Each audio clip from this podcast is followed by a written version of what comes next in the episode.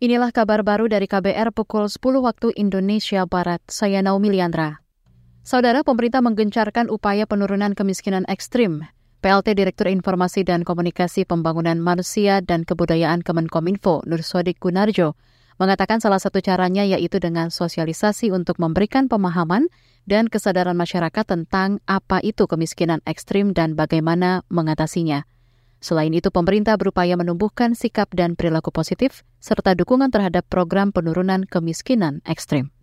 Nah untuk tahun 2023 ini program sosialisasi yang dilakukan oleh Direktorat Informasi dan Komunikasi Pembangunan Manusia dan Kebudayaan ini telah menjangkau lebih dari 394 ribu orang melalui media elektronik, 100 eh, ribu lebih membaca melalui media online dan 396 ribu penonton media pertunjukan rakyat. Hal ini kami lakukan sebagai salah satu bentuk komitmen untuk menghapus angka kemiskinan ekstrim hingga 0 persen.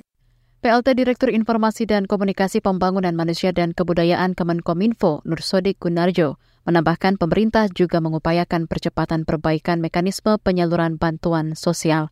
Caranya dengan menyediakan program jaring pengaman sosial untuk mencegah keluarga miskin ekstrim terbebani pengeluaran untuk kebutuhan pokok.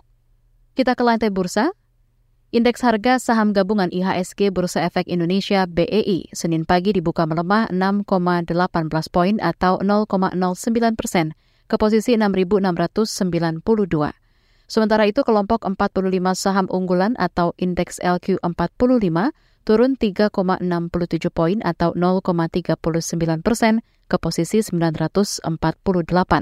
Adapun nilai tukar kurs rupiah yang ditransaksikan antar bank di Jakarta pada Senin pagi menguat 0,09 persen atau 14 poin menjadi 14.940 rupiah per dolar Amerika Serikat dari sebelumnya 14.954 rupiah per dolar Amerika Serikat. Presiden Joko Widodo hari ini dijadwalkan menyambut kedatangan Kaisar Jepang Hironomiya Naruhito bersama Permaisuri Masako. Dikutip dari Antara, Deputi Bidang Media Sekretariat Presiden Bey Mahmudin mengatakan penyambutan resmi akan digelar di Istana Kepresidenan Bogor, Jawa Barat, Senin pagi.